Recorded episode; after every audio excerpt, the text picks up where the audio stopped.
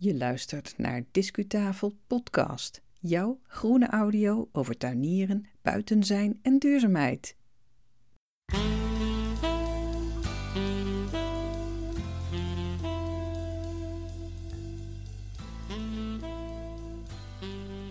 Hey, welkom bij de allereerste aflevering van Discutafel Podcast in 2024.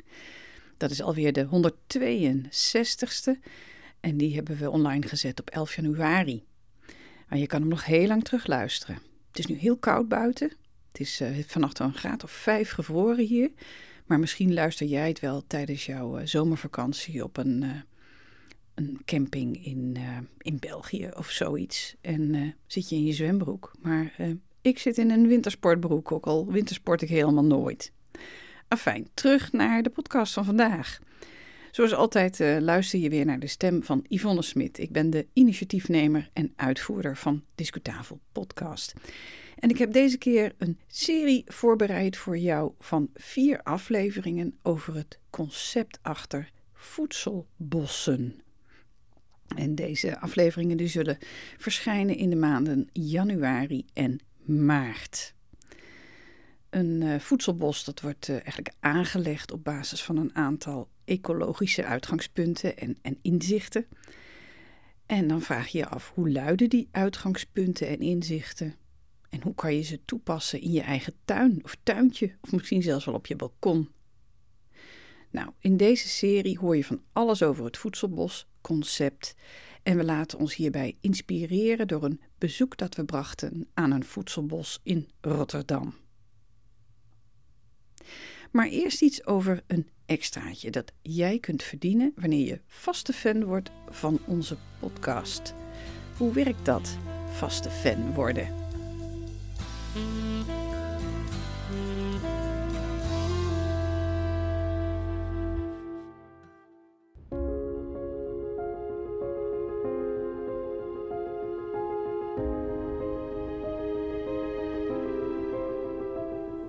Vaste fans maken het mogelijk dat Discutafel blijft bestaan als onafhankelijke podcastmaker.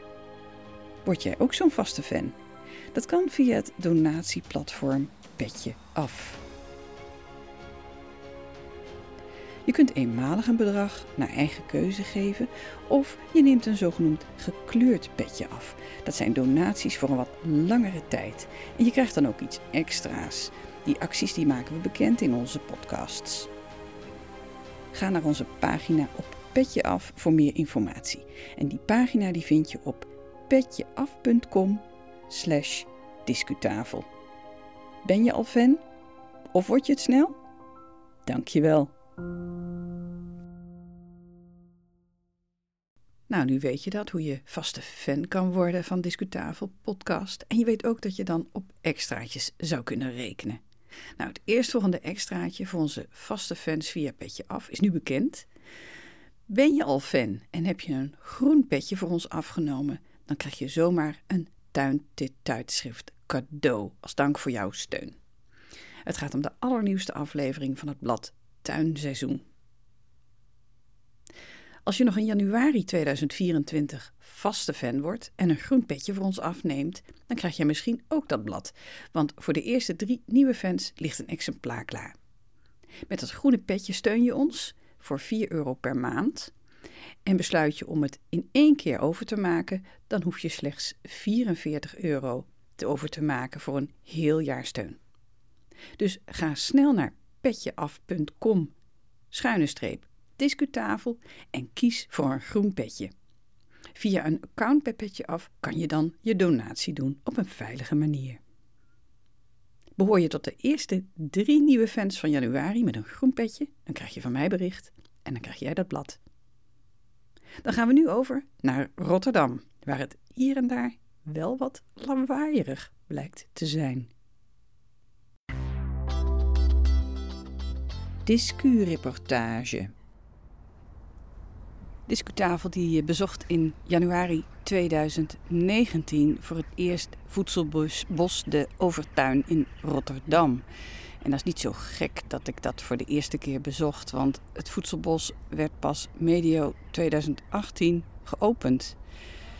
Uh, dat was een koude winterdag, weet ik nog. We hebben daar een reportage over gemaakt en die kan je nog steeds terug beluisteren. Dat is aflevering nummer 33. Maar bij het verschijnen van deze podcastaflevering zijn we intussen vijf jaar verder. En het begrip voedselbos heeft zonder meer flink gewonnen aan bekendheid. Er zijn radio- en tv-documentaires over verschenen. Er zijn filmpjes op YouTube, berichten op allerlei social media. Er zijn bedrijven ontstaan die hun eh, inkomsten halen uit, uh, uit voedselbossen. Er kwamen congressen en natuurlijk ook talloze rapporten. Daar zijn we heel blij mee met Discutafel, want het voedselbos is een heel mooi fenomeen.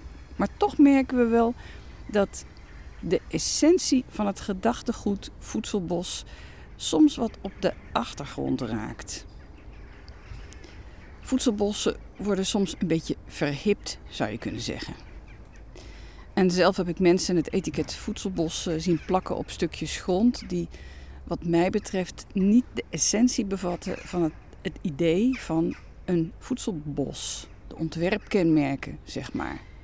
En misschien is het aardig om die basiskenmerken nog eens op een rijtje te zetten in Discutabel podcast.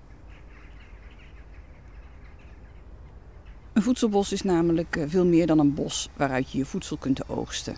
Het is ook meer dan een verzameling bomen trouwens. Het is een ecosysteem dat meer dient dan de behoeften van ons mensen. Laten we daarom nog eens teruggaan naar Voedselbos de Overtuin in Rotterdam. Dat is intussen lekker verder gegroeid als het goed is. Hoe zou het er nu uitzien? En we gaan na of we die basiskenmerken van een voedselbos kunnen herkennen en welke ideeën jij uh, als, je, als je groene professional bent of uh, serieus hobbytuinier, welke ideeën, ideeën jij zou kunnen toepassen op dat kleine stukje grond dat jij mag beheren.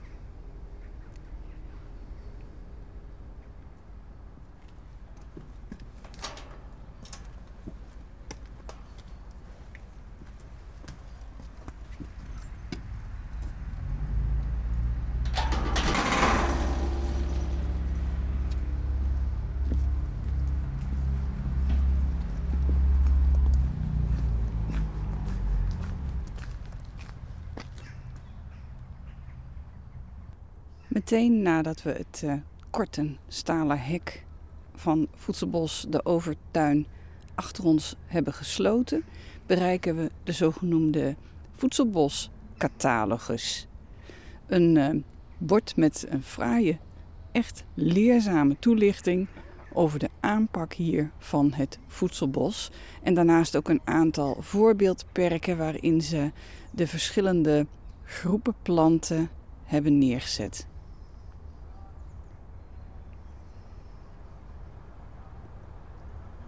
De borders hier bij de voedselboscatalogus aan het begin van de overtuin, die maken drie basisprincipes uh, duidelijk en drie aanvullende begrippen. En die basisprincipes, dat is opbouw in lagen, meerjarige planten en het belang van de bodem. En de drie aanvullende begrippen zijn inheems, ooit inheems en voedselbostijd.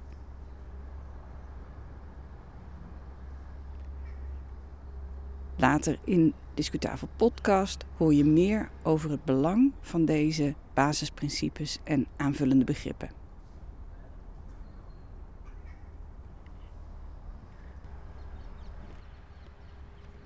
Met op de achtergrond het rumoer van de stad en van de halsbandparkieten, die intussen ook vaste bewoners van de stad zijn geworden, loop ik langs de bedden van de voedselboscatalogus. En ik sta hier stil bij het bed met meerjarigen.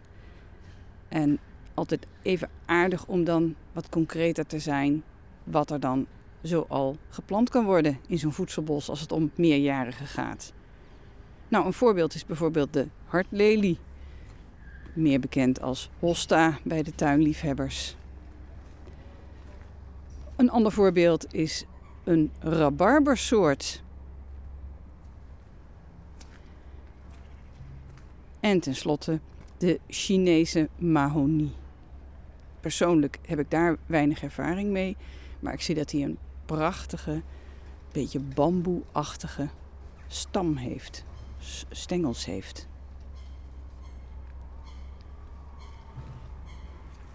Dan komen we bij het bed waarin wordt uitgelegd een aantal planten die uh, illustreren de opbouw in lagen. Gedeelte daarvan is, uh, is onder de grond, dus die, uh, die zien we niet op het ogenblik omdat het winter is. Maar gedeelte is ook boven de grond. Bijvoorbeeld de appelbes, een, een struik. Ongeveer, ik denk dat die nu ongeveer 2, 2,5 meter hoog is en even breed. Daaronder staat de Roomse kervel als onderlaag onder die struik.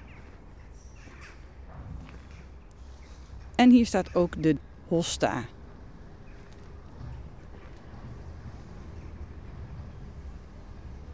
Dan komen we bij het bed met penwortels en rhizomen. En als voorbeeld hebben ze hier genomen de bosaardbei.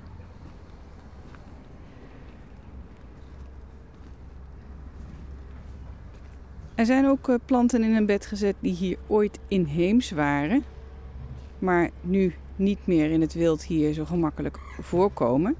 En een voorbeeld daarvan is de kiwibes, een bekende plant voor mensen die zich met permacultuur bezighouden. Hij blijkt het hier uitstekend te doen.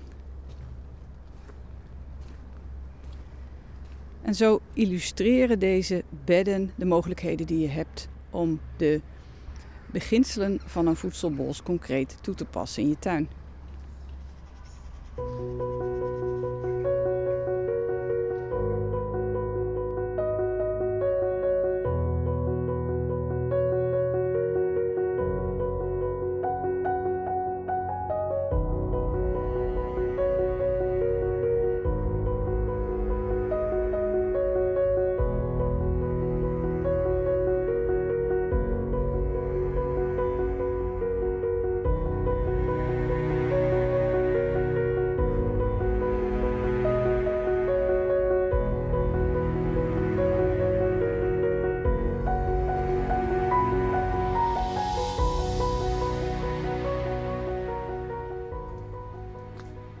Langs de rand van het eh, voedselbos.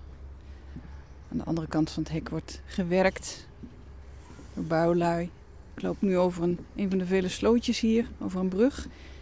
En dan heel merkwaardig, er staat zo'n uh, zo'n Amsterdams paaltje met drie, drie kruisen erop. Dat moet een historie hebben, misschien iets van de familie die hier ooit gewoond heeft. Er steekt een kat over, die schraapt zijn poten tegen de stam van de boom van de Gamasiparis Lawsonia lane. Je zoekt hem wel uit. Heel goed, kat.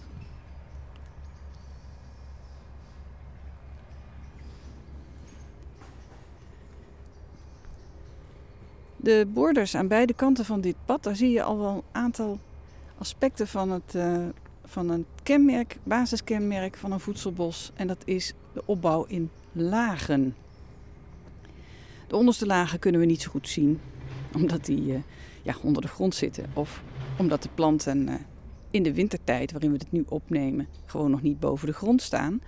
Maar een aantal andere aspecten zien we wel. We zien uh, bodembeplanting in de vorm van bosaardbei bijvoorbeeld. Ik zie wat lagere struiken staan en varens. Maar ik zie ook wat hogere bomen het zijn eh, naaldbomen vooral hier en een enkele grote loofboom. Ook heel leuk, een hele lange, ja je zou kunnen zeggen takkenrail, houtrail van allemaal uh, gezaagde stammetjes. Ieder stammetje heeft ongeveer een lengte van een meter en een diameter van ongeveer 15 of 20 centimeter. En het is uh, op heuphoogte en het is wel 20 meter lang, denk ik. Een fantastische plek voor allerhande insecten, amfibieën en klein spul om daar uh, een schuilplaats te vinden.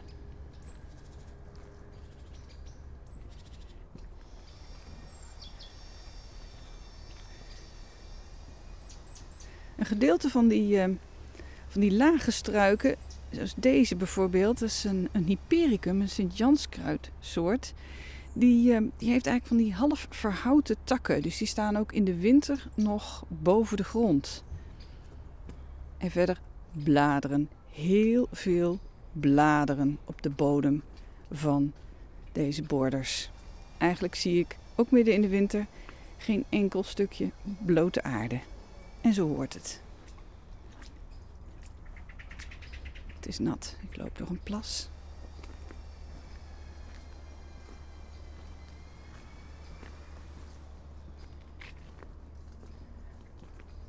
En dan komen we bij een van de themagebieden hier in Voedselbos, de Overtuin. Namelijk het schaduwrijk woud.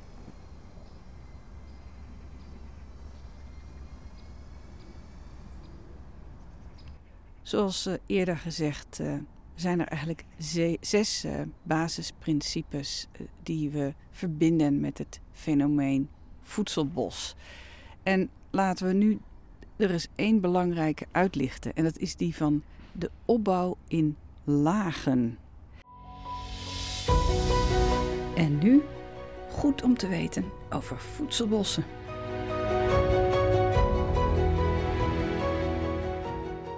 Als jij zelf een, eh, een boswandeling maakt en je kijkt om je heen en het is een, een mooi aangelegd, mooi gemengd bos, misschien een wat ouder bos al, dan zal het je waarschijnlijk opvallen dat zo'n natuurlijk bos is opgebouwd uit lagen. En in de natuur heeft uh, iedere laag zo zijn functie en die werken ook samen met elkaar. En um, omdat dit een natuurlijke ontwikkeling is, die opbouw in lagen, is het ook geen gek idee om in je eigen tuin mee te werken met die natuurlijke ontwikkeling en die opbouw in lagen na te bootsen. Dan hoef je ze niet eens allemaal te hebben. Er zijn mensen die, die uh, beschrijven zelfs negen lagen. Maar als je er al een paar bewust gaat hanteren, dan kom je al een heel eind. Nou, die negen lagen, dan beginnen we hoog boven ons en dat zijn de grote bomen. Er staat hier voor mij een grote steeneik en er staan ook forse dennenbomen. Die hebben een hoge kruin. Maar er staan ook wat kleinere bomen. Die zijn wat lager. Sommige fruitbomen die worden niet eens zo heel hoog. Een metertje of drie, vier, dan heb je het wel gehad. Kijken we nog iets lager, dan komen we in de struiklaag. Verder onderscheiden we nog de kruidlaag. En dat zijn eigenlijk de hele lage struikjes, al dan niet uh, um, zeg maar, uh, de, in de vorm van, van vaste planten, die al dan niet verhouten als ze in de winter zijn. Soms zijn ze niet meer zichtbaar en soms uh, laten ze hun stelen nog boven de grond staan in de winter. Bodembedekkers, dat is de volgende laag, de vijfde laag. Niet te versmaden als je natuurvriendelijk tuiniert. In andere afleveringen hebben we er al een pleidooi voor gehouden. Het is niet alleen mooi om te zien, maar het heeft ook zoveel functie om de planten, de dieren en uh, de bodem een beschermlaagje te geven in de vorm van een bodemplanten, bodembedekkers. Wat minder goed zichtbaar is de laag daaronder, die van de wortelgewassen. En sommigen maken dan ook nog een laag, benoemen ze, en dat noemen ze dan de schimmellaag. Dat is een laag die min of meer vanzelf ontstaat. En die is super, super belangrijk voor de basis van je tuin, voor een, um, een evenwicht in je tuin. Maar het is niet een laag die je bewust zelf aanplant, zeg maar. Hij ontstaat eigenlijk doordat je de rest zo goed managt. Dan hebben we natuurlijk ook nog de verticale laag in de vorm van de klimplanten, die je bijvoorbeeld langs de stam van een boom omhoog laat gaan. En de negende laag, die heb ik zelf eigenlijk pas ontdekt. Iemand die eh, noemde dat. Ik denk, ja, dat is natuurlijk ook zo. Wat dacht je van waterplanten? Je hebt ook voedselbosplanten in het water, die een functie vervullen in je gehele tuin. En zo komen we dus tot negen lagen voor een natuurvriendelijke tuin, een voedselbostuin bijvoorbeeld.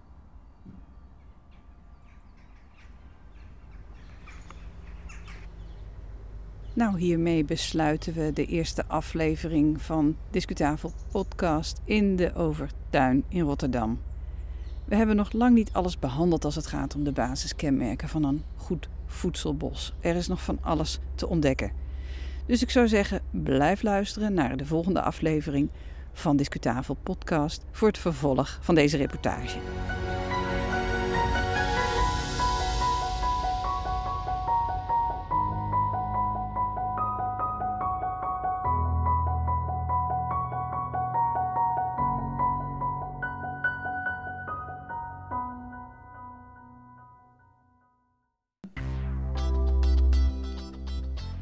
Discuslot.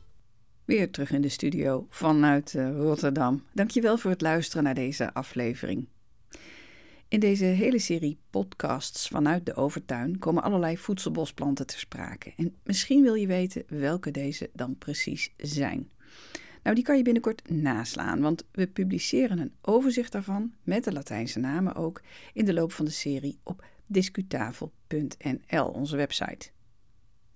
Denk je nog even aan Petje Af? Want zonder jouw steun zijn we nergens. Het tweede deel in de serie over het voedselbosconcept verschijnt naar verwachting op 25 januari 2024. Ga intussen lekker naar buiten. Graag tot de volgende keer.